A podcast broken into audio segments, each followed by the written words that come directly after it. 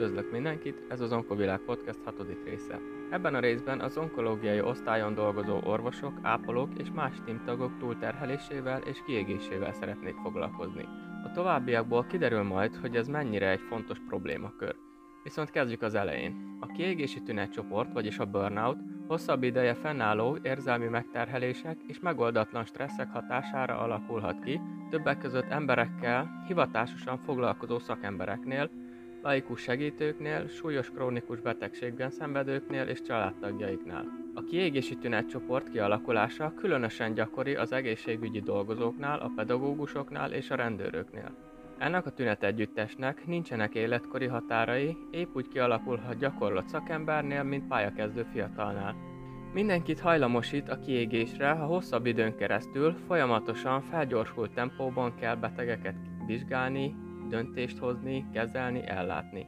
A tapasztalatok szerint azok tartoznak a kiégési szindróma szempontjából veszélyeztetett csoportba, akik igen tudatosak, energikusak, sikeresek, nélkülözhetetlenek, de eltúlzottak, az önmagukkal és másokkal kapcsolatos elvárásaik, akik nem tudják, mikor kell egy kicsit megállni, lazítani. Azt is mondhatjuk, hogy a testi-lelki kiégésre hajlamos emberek kényszeresen törekszenek a tökéletességre, és gyakran tűznek ki irreális célokat a munkahelyen és otthon egyaránt. Általában nem, vagy nehezen kérnek visszajelzést, segítséget, ha rászorulnának. Ezek a tulajdonságok többé-kevésbé jellemzőek a pszichoszomatikus betegségekre, elsősorban szívinfarktusra hajlamos, úgynevezett A-típusú személyiségű emberekre. A kiégési szindróma fő tünetei közé tartoznak a testi tünetek, mint az alvászavar, kifejezett testsúlyváltozás, pszichoszomatikus tünetek jelentkezése, kipihenhetetlen fáradtságérzés, gyakori betegállomány szükségessége, stb. A magatartási tünetek, mint az ingerlékenység, cinizmus, védekezés, ha nem tud örülni mások sikereinek, koffein, nikotin, alkohol és drogfüggőség, kóros táplálkozási szokások jelei. Az érzelmi tünetek a krónikus, szorongás depresszív reakció hipománia, rögeszmésség, érzelmi távolságtartás az emberektől, ingerlékenység, gyakori balesetezés, koffein, alkohol, étel, drogfüggőség, táplálkozási zavar, stb. Mentális tünetek, a teljesítőképesség csökkenés, szakmai önértékelési problémák, stb. A kiégési szindróma lehetséges szövődményei a krónikus fáradtsági csoport jelei, fekélybetegség, irritábilis béltünetcsoport, magas vérnyomás, angina, hajlam a szívinfarktusra, az agyvérzésre, gyakori hiányzás a munkából, nikotinizmus, koffeinizmus, alkoholizmus, drogfüggőség, táplálkozási zavar, pszichiátriai megbetegedés, beleértve a depressziót és a krónikus szorongási állapotokat, asztma és diabétesz. A kiégési szindróma kialakulásának főbb szakaszai Első szakasz, a kezdet, még jellemző a túlzottan nagy lelkesedés, felfokozott energikusság, túlazonosulás a betegekkel. A második szakasz a stagnálás állapota. Harmadik a frusztráció fázisa.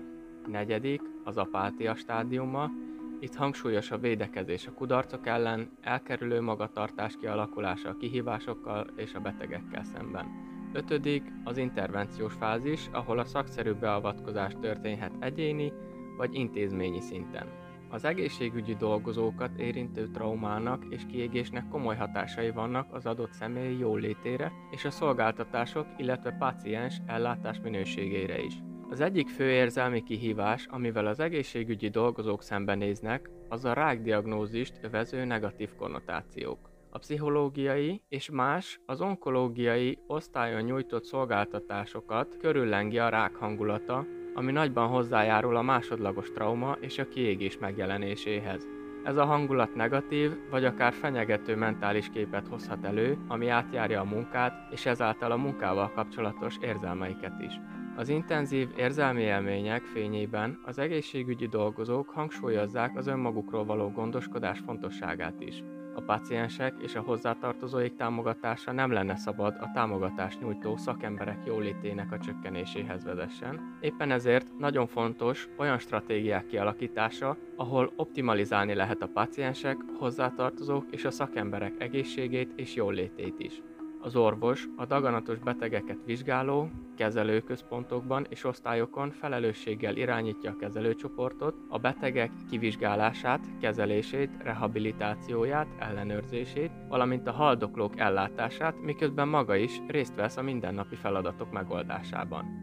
Általános jelenség, hogy gyakran szembesülnek betegeik egy részének gyógyíthatatlanságával, végstádiumba kerülésének összetett nehézségeivel és halálával. Főként az utóbbi évtized óta egyre jobban felismerik az onkológia területén az orvosokra és a többi szakemberekre ható emberi és környezeti stresszeket és a stresszek komplex következményeit. A mai tudás alapján halaszthatatlan a szakemberek életminőségeinek javítása, elsősorban a megelőzhető, illetve gyógyítható mentálhigiénés ártalmak csökkentése. Az intellektuális és fizikai túlterhelésen megfelelő szervezéssel lehetne segíteni. Mindenre többféle lehetőség is van maguknak, az érintetteknek és feletteseiknek.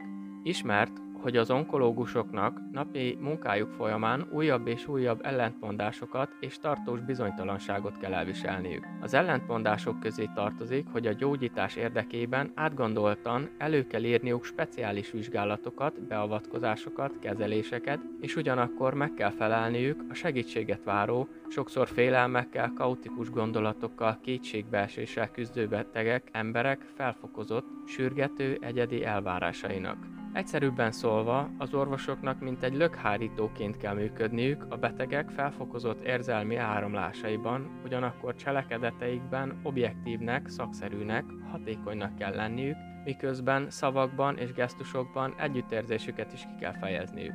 A folyamatos és egyenletes munkavégzéshez érett személyiségre, szakértelemre, megfelelő szakmai és emberi körülményekre, testi és lelki karbantartásra, a gyógyító ember méltóságának megőrzésére egyaránt szükség van. A betegek orvosaikkal kapcsolatos elvárásait nehéz röviden összefoglalni, mégis kiemelhető a folyamatos biztonságadás, megértés és a szakértelem igénye. Az orvos megszervezve a beteg számára alapvetően fontos beszélgetés sorozat körülményeit biztosítva a nyugodt, őszinte érzelmi légkört tapasztalatai birtokában képes eldönteni, hogy milyen adagokban közölje a diagnózissal kapcsolatos tudnivalókat.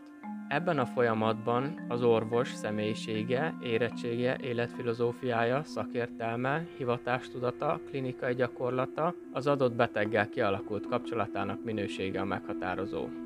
Hosszú ideig az volt az elképzelés, hogy a daganatos betegek kezeléséhez elengedhetetlenül szükséges érzékenységet és lelki nyitottságot eleve birtokolják a fiatal orvosok, és szinte vele születetten képesek legyenek a feszültségek, a kudarcok és a veszteségek folyamatos elviselésére. Az onkopszichológia fejlődésének is köszönhetően egyre nyilvánvalóbb, hogy az orvos és többi szakember, beteg és hozzátartozói kapcsolat folyamán a gondozók és a gondozottak hasonló érzelmi terhelés alá kerülnek. Minél súlyosabb betegségről van szó, annál inkább. További stresszorok is kialakulhatnak, a hatások összegződhetnek az onkológusban és munkatársaikban. Ilyen munkavégzéssel együtt járó stresszek krízisek a magánéletben, saját egészségi problémák, emberi veszteség miatti gyász, anyagi gondok miatt aggodalmaskodás. A tapasztalatok szerint addig, amíg az orvosokat képzésük során nem készítik fel eléggé a korszerű pszichológiai ismeretek, készségek átadásával, az egész ember gyógyítására, addig hiába várják el, hogy valamennyi orvos megfeleljen a holisztikus szemlélet elvárásainak, és team munkára is képes legyen. Ismert tény, hogy azt tud a beteg emberre valóban figyelni, aki tisztában van saját reakcióival, főként a szenvedés és a halál vonatkozásában, hiszen az értelmi és érzelmi közvetítéssel a gyógyítók ugyanazokat a kimondott és kimondatlan érzéseket élik át, mint betegeik. Ha a kezelő személyzet tagjai nem rendelkeznek kellő önismerettel és megfelelő énerővel, akkor munkájuk során kiégnek, maguk is sérülnek, de ami a betegek számára alapvetőbb, teljesen izolálódhatnak tőlük. Sajátos célú, úgynevezett posztgraduális tréningek segítségével a szakembereket speciálisan segíteni lehet abban, hogy betegeiket empátiával közelítsék meg, ugyanakkor tartsanak optimális távolságot a betegektől, a betegségtől az objektivitás biztosítása és a túlzott érzelmi azonosulás elkerülése érdekében. Mindez nem idézhet elő kedvezőtlen távolságot, elkerülést, illetve egybeolvadást az orvos-beteg kapcsolatban, hiszen mindkét szélsőség gátolja a gyógyítást. A daganatos betegek komplex, hatékony és humánus gyógyítása időt, érzékenységet és speciális jártasságot is igényel az onkológustól és a tím tagjaitól.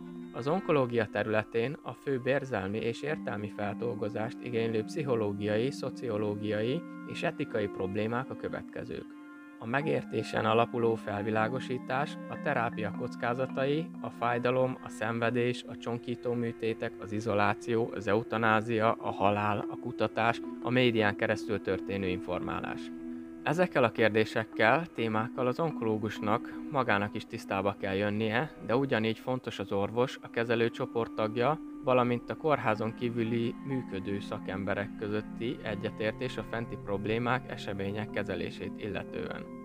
Az onkológiai osztályok örök mozgásban lévő rendszerként tekinthetőek, amelyet kényes egyensúly a folytonos, túlterhelő érzelmi jelenségek és a veszélyeztető ingerekre adott lelki védekező reakciók jellemeznek. Részletesebben kifejezett aggodalmaskodás, kudarcok, sikertelenségélmények, szeparációszorongások, halálfélelem, magas halálozási arány, a betegek gyors forgása, az új betegek folytonos jelentkezése jellemző. Nyilvánvaló, hogy az onkológiai osztályok biztonságos, mindenkire egyarántható, gyógyító légkörének megteremtése és fenntartása nehéz feladat az ott dolgozók számára. A tapasztalatok szerint a probléma már ott kezdődik, hogy igen nehéz a napi munka folyamán tapasztalt, főként nem verbális érzelmi hatásokat hiteles szavakba áttenni és ki is mondani. További tapasztalat az, hogy főként az állandó halálközelség miatt az egészséges személyzeti tagok érzékenyé és vevővé válnak a daganatos betegek folytonos kisugárzásaira, melyek némi hasonlóságot mutatnak a pszichotikus betegek szavak nélküli közléseivel. Mindezek következtében, ugyanúgy, mint a súlyos betegeket gyógyító pszichiátriai osztályokon, az aktív, intenzív lelki folyamatok miatt az onkológiai tím is könnyen széthasadhat. Ezt a hasadságot a személyzet, mint önmaga miatt keletkezett, személyek közötti összeütközést élheti át. Ezzel számos további administratív eszközzel megoldhatatlan krónikus konfliktus forrást és szabadon lebegő bűntudatot idéz elő. Az eddig elmondottak következtében maguk a tímtagok, de főként a kívülállók keveset tudhatnak a gyógyítók sebezhetőségéről, egyéni érzékenységéről, érzelmi céltábla funkciójáról és a betegek mindennapi lelki szükségleteiről, reakcióiról. Köszönöm szépen a figyelmet, és további szép napot mindenkinek!